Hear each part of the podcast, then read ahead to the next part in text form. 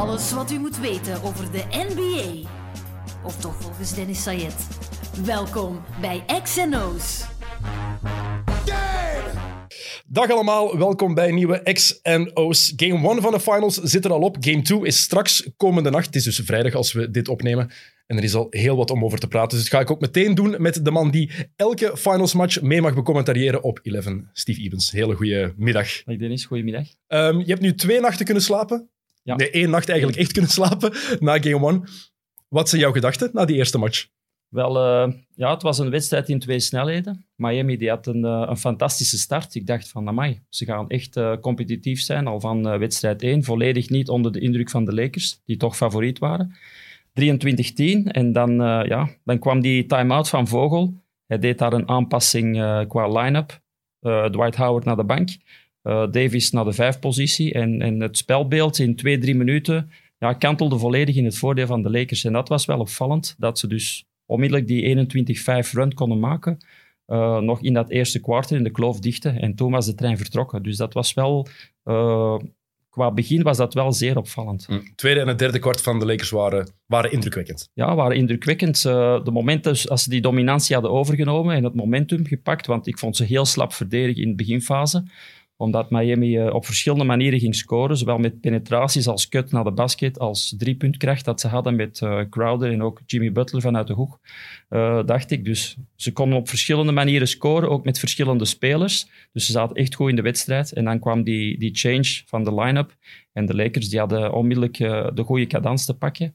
En dan zag je toch het vertrouwen en dan de dominantie van de Lakers, uh, dat die heel groot werd. Ja, Jimmy Butler begon inderdaad goed. Die twee driepunten zat hij in de hoek. En Miami begon met heel veel balmovement, heel veel beweging, ook weg van de bal. En je dacht, kijk, dit is het Miami dat we gezien hebben ja. in de vorige rondes van de playoffs. Dan kwam die time-out en die run.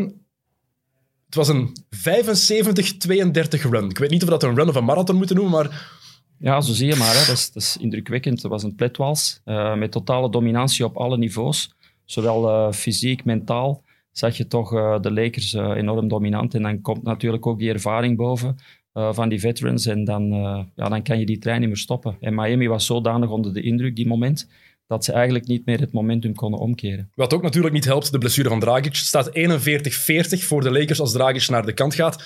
Dat is een gigantisch verschil. Um, zeker omdat Dragic ja, dit seizoen deze playoffs moet ik zeggen, topscorer van Miami, pakt de meeste shots van Miami en is zo cruciaal voor deze ploeg. Nee, is geen superster, maar hij is wel de bepalende factor. Ja, Jimmy Butler of Bam Adebayo, één van die twee, is de beste speler van deze ploeg. Maar als je kijkt naar wie daar bepalend is geweest in de vorige rondes, wanneer heeft Miami verloren of niet goed gespeeld? Als Dragic niet goed was. En die pick-and-roll met Bam, geen enkele ploeg heeft daar op termijn een antwoord op gevonden. Nu valt hij geblesseerd uit en je ziet meteen ook in die match Oh, daar hebben ze geen antwoord voor. Want ik heb altijd gezegd, ik blijf daar ook bij, ik vind Miami de betere ploeg in het geheel. En daarmee bedoel ik, LeBron en AD zijn outstanding. Ja. Buiten categorie. Maar daarna, Bam, Adebayo, Iguodala, Dragic, Hero, Robinson, Crowder, vind ik in zijn geheel beter dan Caruso, Kuzma, Rondo, Howard, McGee, Morris. Rondo en Howard zijn ooit de supersterren geweest. Ik heb het over wie ze nu zijn. Hè. Even heel duidelijk maken. En dan merk je toch wel van, damn, ze kunnen niemand missen bij Miami. Als Dragic nu effectief oud is voor de rest van de serie, wat het zo zou, wat zou blijken, ja, dan is het voorbij. Ja, wordt het heel moeilijk. Hè? Dragic was geen starter in, uh, in het seizoen. En dan in die playoffs is hij in die ploeg gekomen. En hij is uh, een beetje de glue, zoals je aangeeft, van, die, van dat team. En vooral de creatieve geest. De speler die uh, heel slim in die pick-and-roll speelt. En dan Miami is natuurlijk een ploeg die heel veel shotkracht heeft. Maar je moet natuurlijk ook wel in die bucket geraken om, uh, om die shotters open te krijgen, om die helpside te gaan uh, creëren. En dat zag je heel duidelijk. Op het moment dat Dragic wegvalt in die ploeg, geraken ze heel moeilijk in die bucket. Omdat ze met Robinson en Hero pure shotters toch uh, minder creativiteit hebben op, dat, op die moment. Die werden gedenaald tot aan de, tot aan de halfcourt. En dan, op het moment dat ze in de bucket geraken, dan, dan staat daar een seven-footer om die shots te contesteren. En dan zie je dat, uh, dat percentage naar beneden gaan. Pick-and-roll game valt weg uh, met Adebayo, die ook vroeg in foutenlast zat. En dan, uh, ja, dan wordt Miami eigenlijk een heel gewone ploeg eigenlijk. Met eigenlijk totaal geen, geen finals kaliber. Ja, het is zo. En dat is het ding. Bij Miami kunnen ze het zich niet veroorloven om één van die namen die ik net opgenoemd heb te missen. Ja. Bij de Lakers kunnen ze het zich niet veroorloven om LeBron of AD te missen. De rest maakt eigenlijk niks uit, omdat LeBron en AD de rest van de ploeg zoveel beter maken ja. dat het een gigantisch verschil is. En bij Miami is het heel duidelijk, nee. zij moeten iedereen hebben. Want nu gaan ze moeten kijken naar Kendrick Nunn, want blijkbaar zou Dragic niet meer in actie komen. Tenminste, ze zeggen nu hij is twijfelachtig, maar het ja, is die blessure onderkant van de voet. Ja. Het is heel pijnlijk omdat je telkens die pijnscheut krijgt. De moment dat je dus een, een versnelling maakt of gaat springen, is een, een heel pijnlijke blessure. En hij is ook 34. Dus het is niet dat hij de leeftijd heeft van, eh, van een jongen van 20 jaar, die sneller recupereert. Dus het is, het is moeilijk om hem op, op zo'n korte tijd om hem terug te gaan gebruiken. En zeker niet aan 100%. Dus eh, ja, Kendrick Nunn zal een belangrijke rol gaan moeten spelen, maar zal niet de impact hebben van Dragic. No way. Eh, heeft nu wel 18 punten gemaakt in garbage time. Maar die maar tellen inderdaad die niet. tellen- De, Lakers waren gestopt ja, met spelen. Die hè? waren gestopt met verdedigen. dus we gaan zien eh, wanneer het belangrijk wordt, wanneer het de game on the line is, of hij dan dezelfde impact zal hebben. Maar de creativiteit van Dragic, die, ja, die hebben ze niet om te vervangen. Hmm. En, en daar ligt het pijnpunt. En die blessure van Dragic, want het is nu twijfelachtig. Ik, heb die, ik ben ook geopereerd aan die blessure twee keer zelfs. Dat gaat niet. Ja, Heel, zeker op dit niveau, als je Ja. zo intensief moet spelen. Dat gaat wel eens als je een matchje in, in eerste provinciaal wil spelen. Dan kan je dat al als, Camoufleren, ja. als sleffend doen. Gaat niet in de NBA Finals. Nee. Onmogelijk. En dit is letterlijk een scheur daar, onderkant van de voet. Zelfs een ontsteking is zeer pijnlijk. Voilà, Laat staan exact. een scheur. Dus eh, elke beweging dat je maakt die explosief is, dan, dan, dan voel je dat gewoon. Mhm. Ehm, ja, ik had een, eh, een heel ja, pijnlijke een pijnpunt worden voor Miami. Zeker als we daarbij nadenken. Bam is twijfelachtig met Ja. die blessure aan de nek. En Jimmy Butler, wordt niks over gezegd. Maar die is ook heel stevig door zijn voet gegaan. Ja, die blessure van Butler, toen had ik ook mijn twijfels net voor de rust van gaat hij nog terugkeren, tweede helft. Eh, want dat was toch wel een, eh, een serieuze verstuiking. En wel, wat is de impact de dag daarna? Dat, dat, dat kan je moeilijk inschatten, want ja, in de NBA zeggen ze dikwijls, hij kijkt vorig jaar naar Durant, hij gaat spelen, hij gaat spelen. Als je ziet met welke blessure die is teruggekeerd, dan moet je toch opletten voor de, de, ja, het verder zetten van je carrière. Dat je dat niet op spel gaat zetten zoals ook Durant vorig jaar gedaan heeft. En is nu bijna anderhalf jaar eh, buiten strijd geweest. Dus eh, ja, wat is de impact van die, van die enkelblessure? Dus eh, we gaan zien vanavond. Ehm, los van die blessures, los van wat er nu nog gaat gebeuren. In game one waren de Lakers gewoon indrukwekkend. Buiten die 23-10 start en dat vierde kwart. Maar het vierde kwart, eigenlijk moeten we dat, daar zelfs niet naar kijken. Het is compleet te verwaarlozen. Ja, je moet kijken naar het moment dus dat ze die 23-10 achter stonden. En dan die 75-31, wat was het dat je, dat je aangaf? Eh, in die periode, hoe indrukwekkend ze daar fysiek, mentaal de, de Miami Heat hebben gedomineerd. En hun grote sterkte is natuurlijk ook eh, ja, de defensieve kwaliteiten dat ze hebben als team. En ook de, de, ma- de manier waarop die ploeg is samengesteld. Dat is om elke tegenstander te kunnen verdedigen. Ze konden Houston verdedigen in small ball. Ze konden eh, Denver verdedigen met Jokic, met Howard. En nu hebben ze weer oplossingen voor, eh, voor de Miami Heat met hun shotters. Dus die ploeg is echt heel goed samengesteld. En ook die veterans, die, willen echt, die hebben een missie. En die willen echt zeggen van, oké, dit is mijn rol.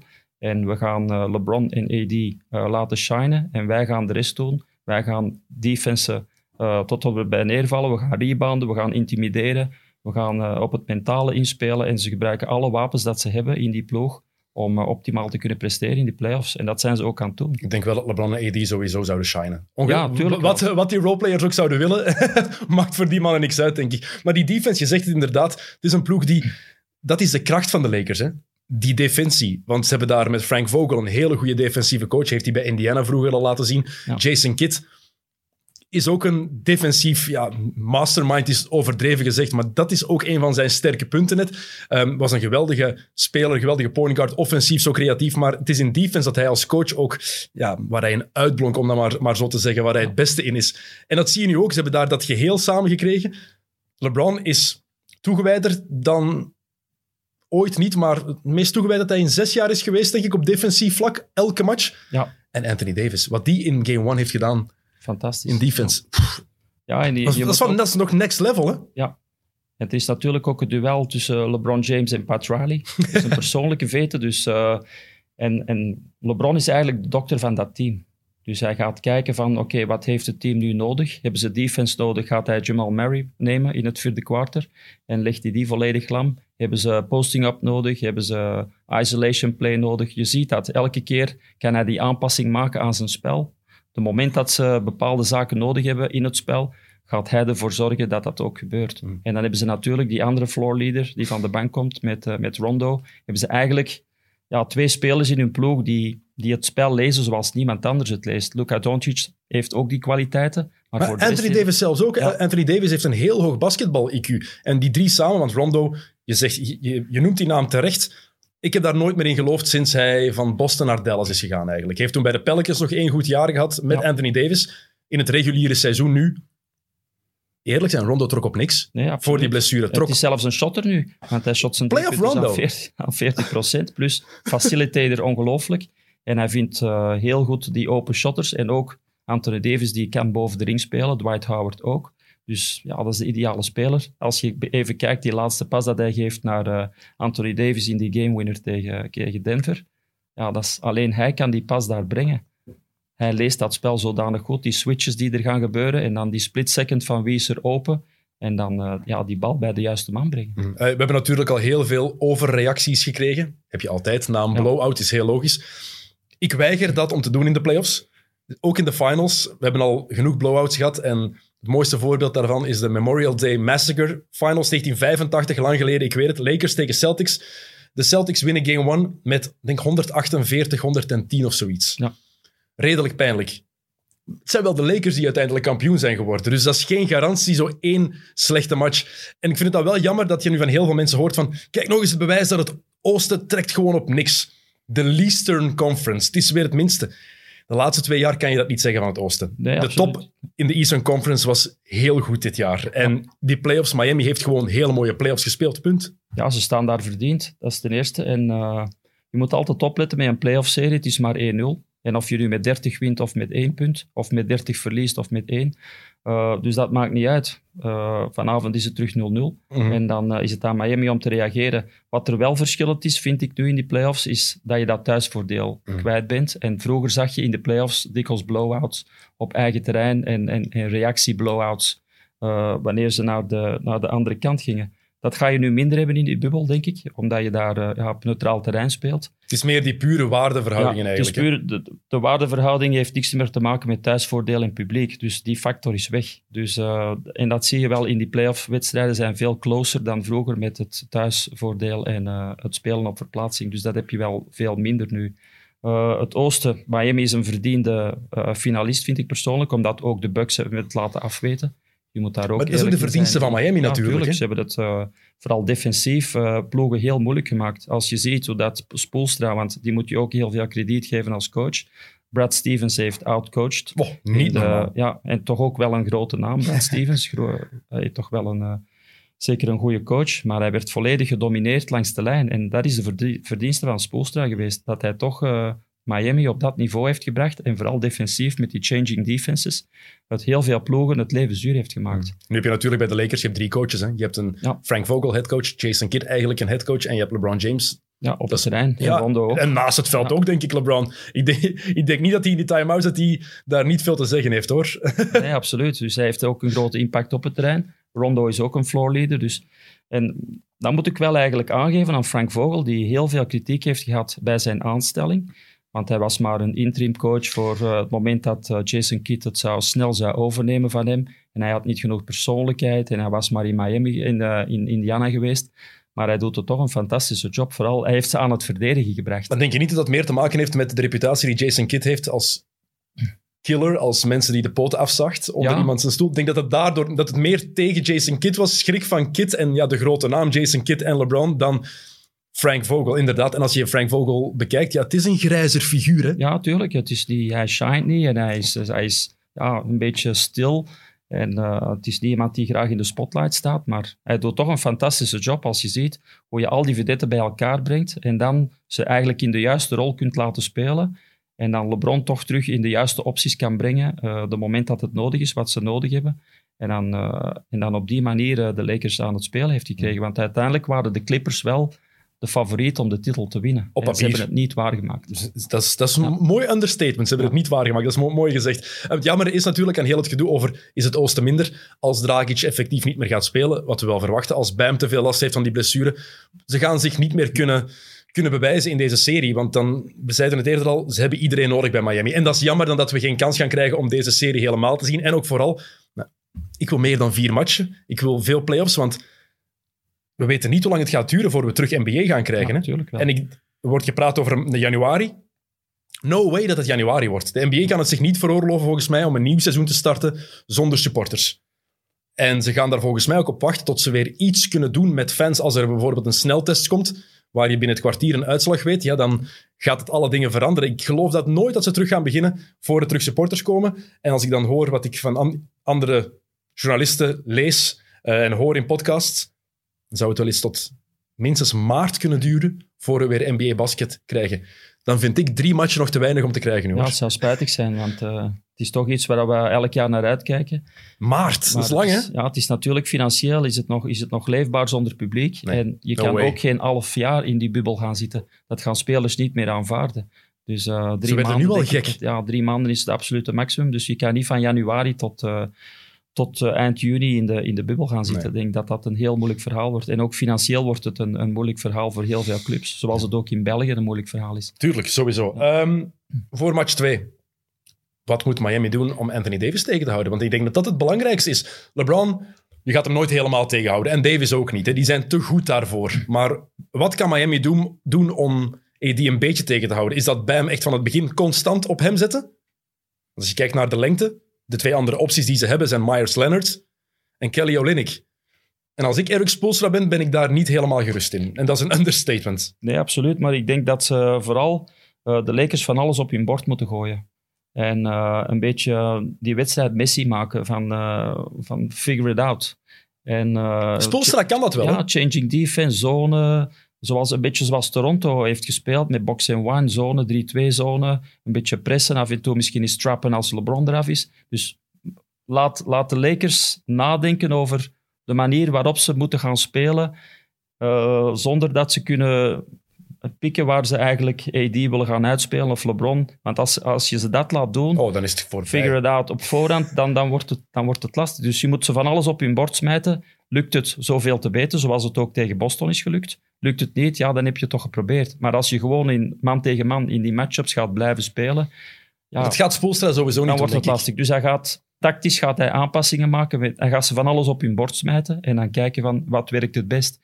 En eh, de matchup met Adebayo tegen Davis, denk dat dat hun beste matchup is. Dat Adebayo geen energie moet gaan verbruiken aan het verdedigen van, van Dwight Howard. Want dat kost veel energie, dat kost veel fysieke kracht. Je moet ook niet verdedigen op Dwight Howard. Nee, En hij maakt ook daar misschien eens een domme fout, zoals hij in wedstrijd 1 heeft gemaakt. Dus laat hem spelen in die matchup met, eh, met Dwight Howard. En ja, speel groot. Of, ja, maar veel zal ook afhangen van, van het outside shot van Miami. En 31% van achter de driepuntlijn is, is niet genoeg. Nee. Als je En ziet, Robinson kreeg geen shot weg. Hero was niet goed genoeg. Hero was niet goed genoeg. Min Waren die dan 35 toen hij op het terrein stond. Waren die dan toch onder de indruk van de omstandigheden? Want Ja. ik dacht op voorhand dat dat niet ging gebeuren. Want als je kijkt, normaal de finals, daar komt ineens veel meer media bij kijken. Omdat je de internationale pers ook hebt die daarbij komt. Ehm, het zijn verdere reizen. Er is de finals kan je niet vergelijken met een gewone playoff match. Dat is echt zoveel meer, zoveel groter, zoveel meer druk. En ik dacht nu, ze blijven in de bubbel. Het zijn dezelfde velden. Er is niet meer pers. En toch leken Hero ergens, maar vooral Duncan Robinson, die leken erg onder de indruk van de omstandigheden. En dat had ik eigenlijk niet verwacht van de Heat. Ja, je mag die, natuurlijk die impact van die finals niet, niet onderschatten, maar ook het feit van ze worden gedeniald tot, bij, bij manier van spreken tot in het toilet. Dus als ze naar het toilet moeten, dan staat er nog iemand uh, dat was bij de Celtics toch ook zo? Van de bal te houden. Die hebben dat bij Robinson toch ook geprobeerd? Ja, maar daar lukt het. Ja, daar zat hij van in het begin goed in de wedstrijd. In sommige, in sommige wedstrijden, ik dacht wedstrijd 2 en wedstrijd 4 of 5, maakte hij 16 punten. En dikwijls onmogelijke shots. En dan wedstrijd kreeg 4 hij was een hero ja, met die 35, inderdaad. Hij kreeg gewoon geen shot weg. Hij heeft twee shots kunnen pakken en die waren dan nog gecontesteerd. Voor de rest, de Lakers, hun kracht is, ze kunnen spelers van de bal houden tot aan de middellijn. Omdat op het moment dat ze geklopt worden in de paint, weten ze dat er nog iemand is die 2 meter 14 is en die dat shot zal contesteren. Dus die midrange wordt ook moeilijk voor, eh, voor de spelers van Miami. Dus En langs de andere kant waren ze heel goed in het uitputten van onder andere Tyler Hero. LeBron heeft die constant opgezocht. Vanaf dat hij de bal had, was het pick and roll. Zelfs dat niet. Ja. Soms was er zelfs geen screen en toch switchte Miami. En dat vond ik eigenlijk heel raar dat Spoelstra dat niet heeft tegengehouden. Heel vaak was het dat overswitching. Ja, en dan, je wilt nooit Tyler Hero, hoe goed hij ook was, nooit wil je die tegen LeBron James zien, want dat is... Ja, hij ging ermee wandelen. hè. Ja, Op een zeker moment was, was het gewoon... eh, ja.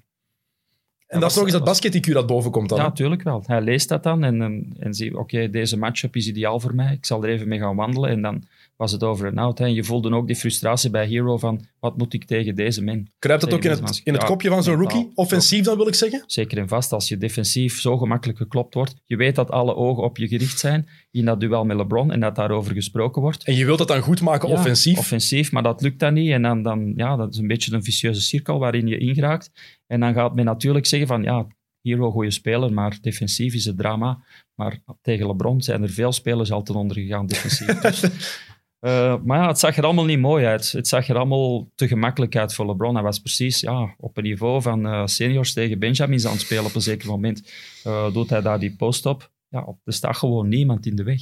Nee, het is... En dan is er geen tweede lijn, omdat Adebayo, ja, die is gekwetst of die zat in foutenlast. Ja, wie gaat er uit de tweede lijn komen helpen? Ze hebben niemand, Niemand. voor de rest. Ja, Olenek en, en Ja, maar die Myers kunnen niet boven de ring spelen. Nee, totaal niet. Dus, Ehm, een vraag die ik al veel gelezen heb en die ik heel interessant vind. Wat moet Anthony Davis doen om Finals MVP te worden? eh, ik denk dat het een onmogelijke taak wordt, omdat als LeBron op die manier blijft spelen, gaan ze het sowieso aan LeBron Maar zelfs als Davis echt de betere speler is, gaan ze hem nog altijd aan LeBron geven, Ja, denk ik. sowieso. Ik denk dat hij... Tenzij LeBron natuurlijk ja, slechtere wedstrijden gaat, gaat afwisselen en, en AD op dit niveau blijft spelen, dan is er misschien een, een waterkans dat eh, AD de, de MVP zal krijgen. Maar als LeBron met zijn derde team ook een, eh, een titel pakt, ja, dan gaan ze het sowieso aan LeBron geven. Ik denk dat Davis 40 punten en 15, as- eh, 15 rebounds en misschien 7 assists en 2,5 of 3 bloks per match moet hebben Ja. om Finals MVP te worden. En, echt, en dan ook zijn drie punters aan 50% binnengooien. Ja, hij zal mirakelwedstrijden moeten spelen om het eh, te kunnen realiseren. Ook al het feit dat LeBron niet de MVP van het reguliere seizoen is geworden. Hij is daar een beetje pissig over. Wat trouwens helemaal, nog eens terecht. helemaal terecht is dat Ja. LeBron geen, finals MVP, eh, geen eh, MVP was van het reguliere seizoen. Hè. Los, kijk gewoon naar alle cijfers, kijk naar wat er gebeurd is in het reguliere seizoen. Eh, Ja, dan was... Het gaat niet over wie de beste speler is, hè, maar ja, Le- LeBron heeft niet het beste reguliere seizoen gehad. Giannis Antetokounmpo wel. Als er nu een playoffs MVP zou zijn, Dan is er geen discussie. Voilà, tuurlijk. Tuurlijk. Hier, LeBron, pak hem. Meteen. Ze mogen die van mij ook... Ik zou, ook tof, ik zou het ook terecht vinden dat er een playoffs MVP komt. Niet alleen de finals MVP. Ja, dat is misschien eigenlijk eerlijker, omdat het toch over meerdere wedstrijden gaat. Dan heb Ja. je toch een realistischer beeld. Of doen we het allebei. We een playoffs MVP. Ja. en een finals MVP. Want nu is die verwarring zo groot van, oeh, die is MVP, maar... En deze matchen tellen niet mee. Nee, het ging alleen maar over de matchen Ja. voor de bubbel. Ja, en dan was Janis gewoon de... Ja, tuurlijk wel. Dat is jammer. En, ja, en nu is de narrative heel mooi met LeBron. En dan vind ik het wel jammer. En dan vind ik het ergens ook grappig dat het dan gaat over... Stel je voor dat Anthony Davis nu effectief de beste speler in deze serie wordt of blijft. Maar LeBron speelt op niveau. Dan weten we ook dat LeBron James MVP gaat worden van de Ja. finals. Omdat de narrative daar ook is, die verhaallijn is Ja, daar. als je kijkt naar die, die eerste wedstrijd, hè. Davis maakt er 34, LeBron 25. Eh, uiteindelijk kan je zeggen, oké, Davis was dominanter, maar toch, als het, als het zo voortgaat, deze cijfers, dan zal eh, LeBron sowieso MVP worden. Ehm, wat ik ook mooi vond trouwens aan wat James gedaan heeft. ehm, de Lakers waren overdreven aan het vieren op de bank. In het vierde kwart, terwijl ze niet goed meer aan het spelen waren in het vierde. Dat LeBron tegen zijn ploegmaats ook zegt: Oké, tone it down. Het is maar 1-0. Het is maar 1-0. En sowieso, het is niet dat we een ploeg een pak slaag geven dat jullie zich als kleuters moeten gedragen. Nee, want dan maak je eigenlijk die tegenstander een beetje, dan ga je die extra motiveren. Omdat je toch een beetje kleinerend overkomt. En dat is altijd gevaarlijk. Dus, eh, en LeBron maakt- heeft respect voor Ja, Miami. natuurlijk wel. Voor en, deze en ploeg. terecht, want als je ziet van eh, ze hebben niet een echte superster, niet een echte top 10 topspeler. Butler is top 15, denk ik.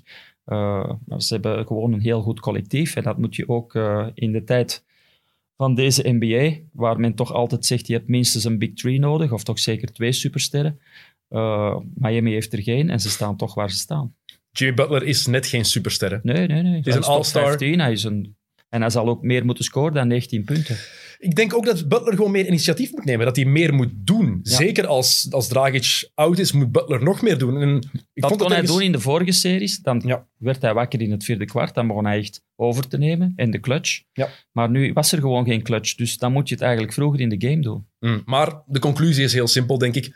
Als LeBron James en Anthony Davis zo goed zijn als ze eergisteren waren, maakt het niet uit tegen wie ze spelen. Nee, dat is juist. En je mag ook niet vergeten dat ze de eerste helft dan 70% driepunten shotten. dus als dat er nog eens bij komt, als die spelers... Want de bank was ook heel indrukwekkend van de Lakers. Je mag niet vergeten, de impact van de bank van de Lakers was beter dan die van Miami. Dus alles wat ze van de bank eh, ja, kwam. Caruso kwam goed van de bank. Rondo begon zijn driepunters uh, binnen te shotten. Kuzma was niet slecht.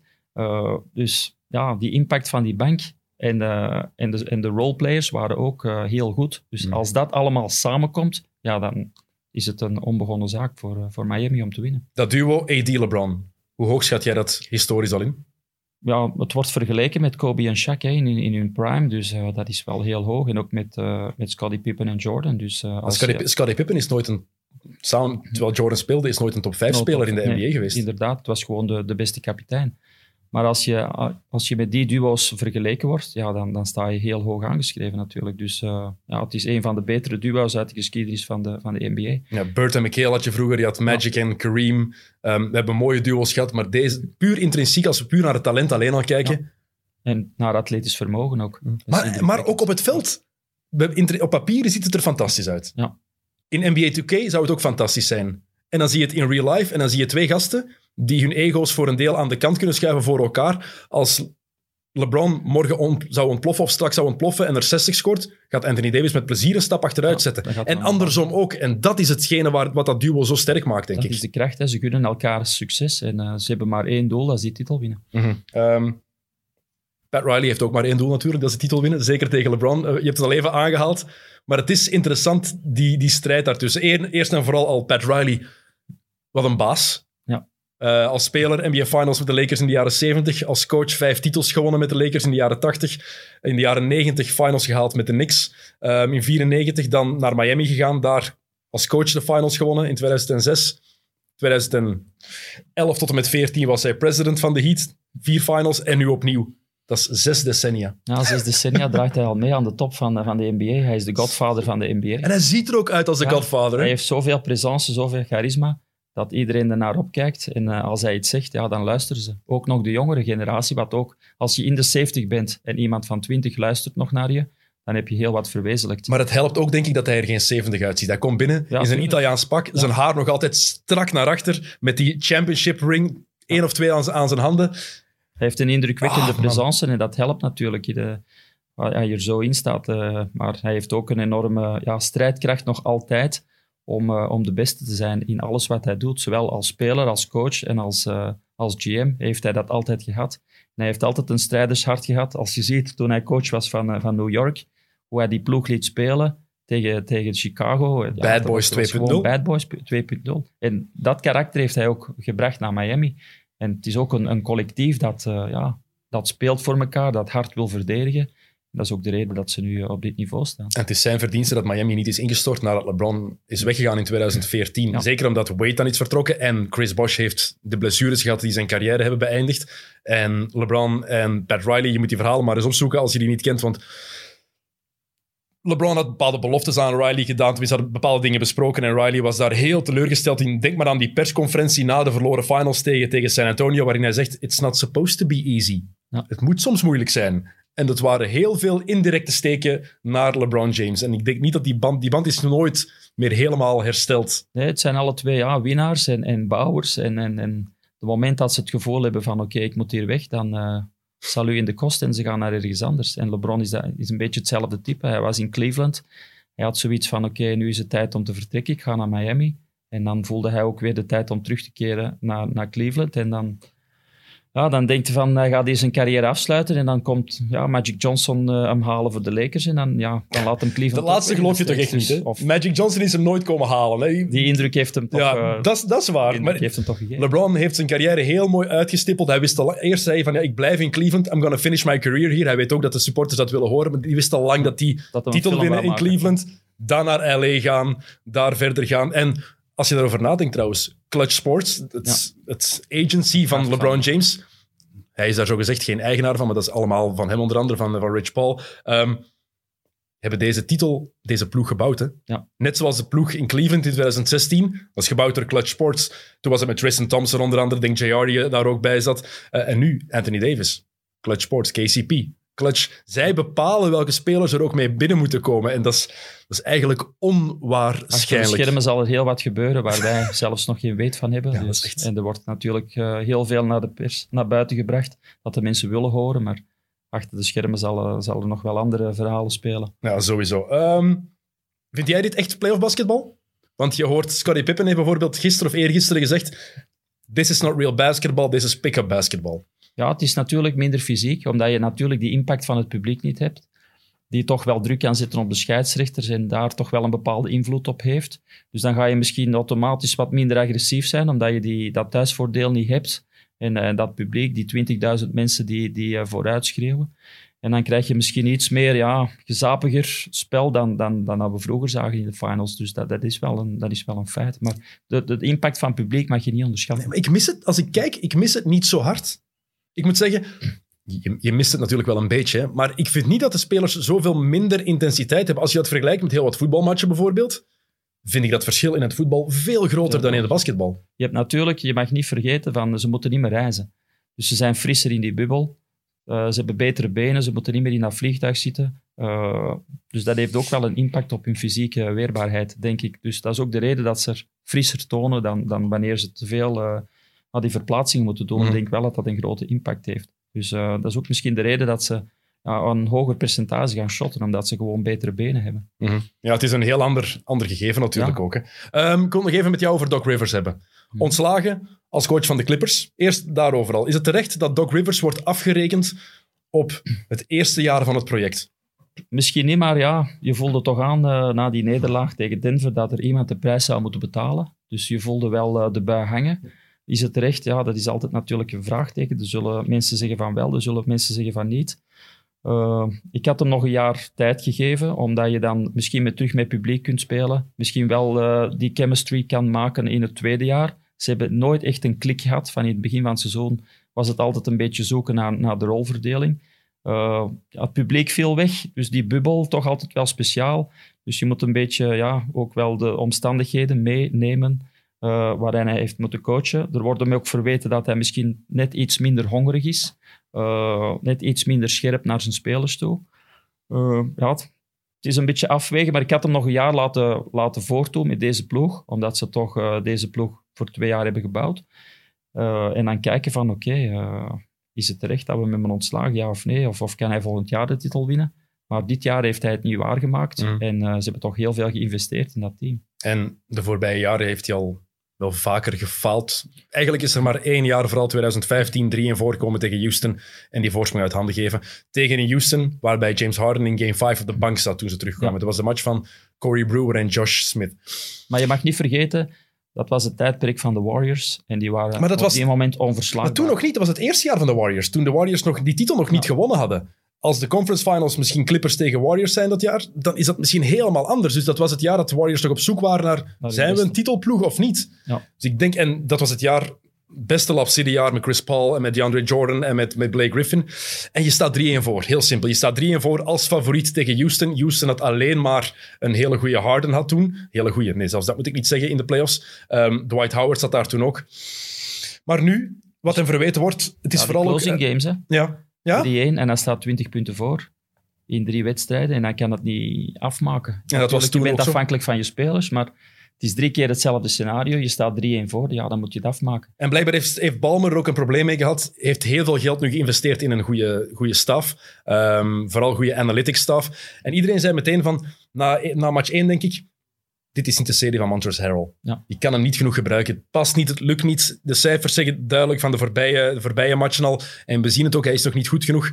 En dan zegt Rivers, I'm gonna stick with my guy. Ja. I'm gonna ride him. Hmm. En als je nu kijkt naar de plus-minus, ja, Montrezl Harrell was een van de bepalende factoren voor die verloren serie tegen Denver. Ja, is niet het impact op de Joker. Voilà. Hij kon hem, niet, hij kon hem niet stoppen. En dan, ze hebben alles geprobeerd op die hand-off plays, maar niks werkte. En, en, en Harrell is gewoon ja, kopje onder gegaan. Denk je dan niet dat, dat, dat Balmer hem dat ook ergens verwijt? Van kijk, we, ik investeer zoveel geld in zo'n staf, ik investeer er zoveel in dat we die cijfers goed analyseren, dat jij die raad krijgt en je legt dat gewoon naast je neer? Ja, tuurlijk. Er, zijn altijd wel argumenten om, uh, om een coach te ontslagen en dat zal er zeker wel één zijn. Balmer heeft heel veel geïnvesteerd in dat team, zowel op het terrein als naast het terrein. En hij was er echt van overtuigd dat dit jaar het jaar van de Clippers en heel veel analisten waren het erover eens dat de Clippers dit jaar de titel moesten pakken. Ja, uh, Paul George een uitspraak, um, dit jaar was niet championship of bust. Ja, dat is, ja, dat is flauwekul. Dat is vijgen na passen. De, dus uh, de Clippers hadden echt het team gemaakt om dit jaar kampioen te spelen. Mm. En ze hadden ook die kans 3-1 voor tegen Denver, die toch al een zware serie tegen Utah hadden gehad. eh, om het daar af te maken. En ze hebben, dat niet, eh, ze hebben dat niet gedaan. Hadden ze gewonnen van de Lakers? Ik weet het niet, maar de matchup had wel interessant geweest. Ja, dat klopt helemaal. Eh, nu, lang heeft hij niet zonder job gezeten, Doc Rivers. Gaat naar Ja. Philadelphia. Ik vind dat een leuke eh, fit. Hij heeft ooit over eh, Simmons en Embiid gezegd, eigenlijk is het zoals Magic en Kareem.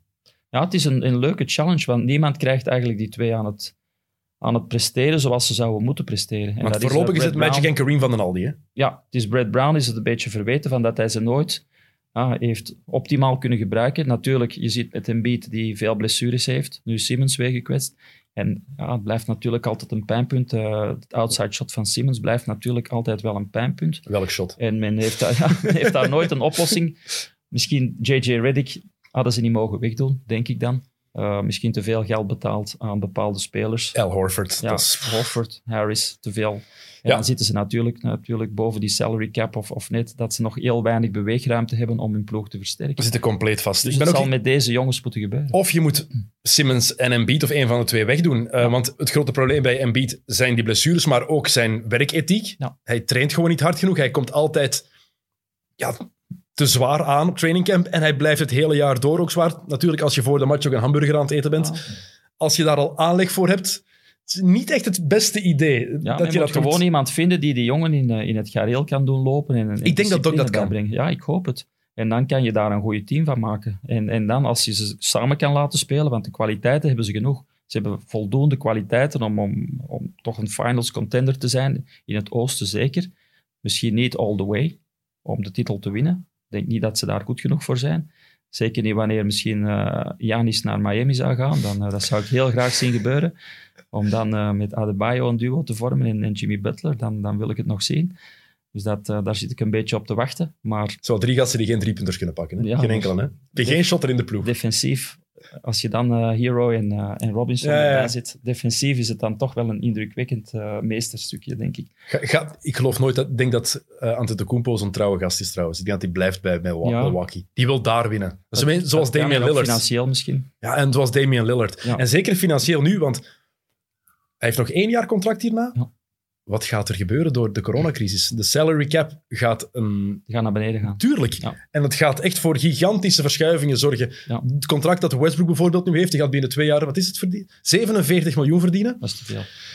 Dat gaat, daar gaan ze even op moeten wachten, denk ik. Ja. Ehm, nog iets anders. Ehm Kyrie Irving, Brooklyn Nets. Speelt hij nog? Uh, hij gaat nog hij spelen. nog. Hij heeft dit gezegd. Ik ga het even terug boven halen. I don't really see us having a head coach. KD could be a head coach. I could be a head coach someday. Ze hebben net Steve Nash Ja, aangetrokken. het is plezant voor Steve Nash om dat te lezen natuurlijk. Come on, gast. Eh, het is altijd een probleemkind geweest. En ja, dat is ook de reden dat het niet gelukt is bij Boston. Het was eh, een moeilijk geval in de kleedkamer, had een slechte impact op de andere jongens. En nu ook bij de Nets, wat heeft hij al gepresteerd? Niks. Weer een jaar eh, langs de kant gezeten. Niet mee naar de bubbel gegaan. Dus ja, het is natuurlijk een mooi duo met Durant. Dus ik kijk er wel naar uit. maar als je een beetje Steve nadenkt... Nash als beginnend coach is dat natuurlijk Voilà. niet leuk om te lezen. Als je een beetje nadenkt... En vooral, de Nets hebben Steve Nash sowieso aangesteld met inspraak van Kevin Durant en Kyrie Irving. Want dat zijn de twee, de twee bouwstenen van die Ja. ploeg. Durant heeft met Nash samengewerkt bij de Warriors. Ze hebben een goede relatie, echt een heel goede relatie. Blijkbaar hebben Kyrie en Nash ook een goede relatie. Zelfs al zou je als speler zo'n grote impact hebben tijdens de wedstrijden. En vindt Steve Nash dat oké? Zeg dat toch niet in de pers. Nee. Hou gewoon je bakjes. En zeker in dat je die reputatie al hebt. Exact. dat je een moeilijke jongen bent en dat je toch eh, eigenlijk moet opletten wat je zegt. Of dat dat nee, niet en- enorm gaat worden uitvergroot. Je kent in Amerika de pers, is daar, eh, ja, die zitten daar met argusogen naar te kijken. Maar naar terecht toch ook? Terecht, ja, natuurlijk. Nou, geloof jij in Steve Nash als headcoach trouwens? ja, want het was een geweldige floorleader. Maar je moet natuurlijk die karakters kunnen managen. En tegenwoordig moet je niet alleen een goede coach zijn, je moet vooral een goede people manager zijn. En als je dat niet kan, dan kan je de beste coach en X en O's op het terrein eh, naar voren brengen. Maar als je niet die people manager bent om, om de juiste stukken te laten samenspelen, zoals nu Frank Vogel kan doen bij de Lakers, ja, dan, dan stopt het verhaal als goede coach. Maar dat is net altijd de sterkte geweest van Steve Nash. hè. Hij was als point guard al de perfecte people manager. Ja. Hij heeft zelfs ooit een, bij Phoenix een, ehm, een minimumquota ingevoerd. Hij wilde dat zijn ploeg, denk ik, minstens 100 of 200 high fives per match had. En letterlijk, iemand, de scouter, hield dat bij. En als dat niet lukte, dan ging er daarna op training een soort strafoefening voor, voor volgen. Maar dat was een van zijn eerste dingen hij heeft ingevoerd. Ik wil minstens zoveel high fives. En dat klinkt misschien heel banaal en belachelijk, maar zoiets werkt. Ja, zoiets werkt. Hè. Zeker bij die mannen. Die, als, je, als je op die manier een chemistry kan creëren en, en die ploeg begint te winnen, ja, dan kan dat een positief effect hebben. Dus, uh, maar de moment natuurlijk dat je met blessures zit en, en de spelers, supersterren die wat, uh, wat minder presteren, want je moet afwachten. Durant heeft ook anderhalf jaar niet, niet gespeeld. Kyrie is al lang op de sukkel. Dus gaan die in, onmiddellijk terug dat niveau halen van ervoor. Dus en ze hebben eigenlijk geen slechte ploeg, zonder die twee ook niet. Nee. Ze moeten gewoon die Andre Jordan op de bank zetten. Ja. Gaan ze niet doen, want het is een vriendje van, van KD en Carrie. Um, maar ja, ik denk dat Durant trouwens, want Achillespeesblessure, er is toch nooit in het basketbal iemand daar 100% van teruggekomen. Ik denk als er één iemand dat kan doen, dat het Kevin Durant is. Waarom denk ik dat? Omdat het Hij is kan een spel verleggen ook. Ja, het is een seven-footer met een shot. Ja. Hij, hij, kan op zijn oudere dag à la Dirk Nowitzki worden. Ja, hè? En Jordan die fadeaways, in, uh, met terug naar de basket, die fadeaways doen. Hij zal minder spectaculair zijn van, achter, uh, van, van op die perimeter in zijn 1 tegen 1. Dat zal hij misschien een beetje moeten gaan inperken. En ook in die open court baskets zal hij wel moeten inboeten. Maar hij zal zijn punten wel scoren op een andere manier. Hij je kan er toch niet aan aan dat nee, shot, natuurlijk niet. Als je die release ziet. Het is bijna altijd binnen. Dus. Dat is belachelijk. Ja. Uh, laatste vraag. Gaat, het NBA, gaat NBA basketbal populairder worden in België nu onze politici ineens NBA-spelers, NBA-quotes gebruiken. Ja, wie weet, laat ons hopen. Het is, uh, het is een, een, fantastische sport. En uh, als je ziet uh, de impact van de NBA op de jeugd, dus laat ons hopen dat het nog een grotere impact heeft in België. Ik denk dat we heel blij zijn dat we zulke sport kunnen bekijken op televisie. Mm. En, en de impact op onze jeugd heeft wel ja, ervoor gezorgd dat, uh, dat ons niveau van het Belgisch basket, zeker van onze jeugd, ook naar boven gaat. Ik vond het wel mooi dat, want het was, de Crow heeft uh, Jordan gebruikt dan en Bart de Wever heeft O'Neill gebruikt, dat ze allebei de dingen hebben weggelaten, zodat het toch helemaal in hun kraam paste. Ja. Mooi. Was, wat is het? Het is teamwork en intelligence wins championships. Intelligence hebben ze eruit gelaten. En van Shaquille O'Neal, die zei eerst, I'm like tax. Ik ben zoals belastingen. Ja. Je moet mij sowieso betalen. Dat eerste hebben we daar ook maar uitgelaten. dus mooi dat het dan toch weer ja. helemaal naar de eigen kraan wordt, uh, wordt gedraaid. Um, goed, Steve. Straks game 2, live te bekijken. Jij gaat die match becommentariëren. Wat wordt het? Uh, ik denk 2-0. Maar ik kijk er wel naar uit uh, hoe dat Miami zijn aanpassingen gaat doen. Dus ik kijk uit naar Spoelstra, want ik kijk ook veel naar de coaches. de aanpassingen die ze gaan doen. En ik hoop dat hij heel veel die changing defense gaat gebruiken en uh, van alles op het bord gaat gooien van Frank Vogel en figure it out. Spoelstra, nog zo'n coach trouwens, net zoals Vogel, die eigenlijk al jaren onderschat wordt. Ja, ondergewaardeerd. En nu nog eens laat zien dat hij een van de vijf beste coaches in de NBA is. Ja, want vroeger met Miami, hij had de Big Three, dus het was logisch dat hij kampioen werd. Terwijl nu, wordt hij, nu wordt hij weer ondergewaardeerd, want het is Pat Riley die de ploeg heeft gemaakt. Dus maar terwijl zo'n Big Three coach, dat het net ja. super moeilijk is. Als je kijkt naar alle superteams die zijn samengesteld, is het toch heel duidelijk doorheen de jaren dat het niet evident is om daar zo'n succes mee te hebben. En vanaf dag eerste jaar meteen finals. Dan twee titels op rij, derde, het vierde jaar ook finals. Ja, LeBron en Wade en Bosch, maar onderschat niet wat Spoelstra heeft gedaan. Natuurlijk wel. En, zijn kwaliteiten zijn vooral naar boven gekomen met dit team. Wat hij heeft gedaan tegen de Bucks en tegen Boston Celtics. Vond ik indrukwekkend. Op het juiste moment de verdediging veranderd. Zodat je die tegenstander volledig destabiliseert. En daar eigenlijk de wedstrijd volledig naar je hand zet als coach. En dat is eigenlijk de verdienste. Want men zegt altijd, oké, je bent afhankelijk van je spelers. En dat is ook wel voor een groot stuk. Maar toch, die impact van die coaching heeft toch wel een, een, een grote impact gehad uh, nu bij, de, bij Spoelstra. En dat vind ik wel heel knap. Dus je mag zeker die rol van die coach niet, uh, niet uh, onderwaarderen. Ik hoop gewoon dat het straks spannender wordt dan ja, Game 1. Ik hoop dat we... Dat het langer duurt dan 2,5 kwart. Want anders zijn het heel lange nachten. Ja. ja, ik kan gaan slapen. Jij, jij moet blijven zitten. Was, je hebt, voor nu, voor Kwart 2 en 3 waren... en dan 4, ja, dat is vijf na Pasen. Dus dan, dan is het een lange nacht. Kijk, ik deed dat vaak met Tony van den Bos en ik begon dan over Tony van den Bos zijn seksleven. Ja, altijd interessant. altijd Als hij daarover begint te praten, is het altijd interessant. Alright, Steve, bedankt dat je hier was. Uh, bedankt voor het luisteren of te kijken, uh, dames en heren. Um, als je nog podcasts van Freddo Sport wil beluisteren, uh, dinsdag was er een mit-mit met Bart Laga van het Nieuwsblad. Die kan u nog altijd terug gaan beluisteren. En als ik me niet vergis, is er gisteren ook een mit-mit Kick and Rush opgenomen met het vaste trio Leroy, Jelle en Tim. Dus check die zeker. En wij zijn volgende week opnieuw met een nieuwe XNO's. Salut! Alles wat u moet weten over de NBA. Of toch volgens Dennis Sayed.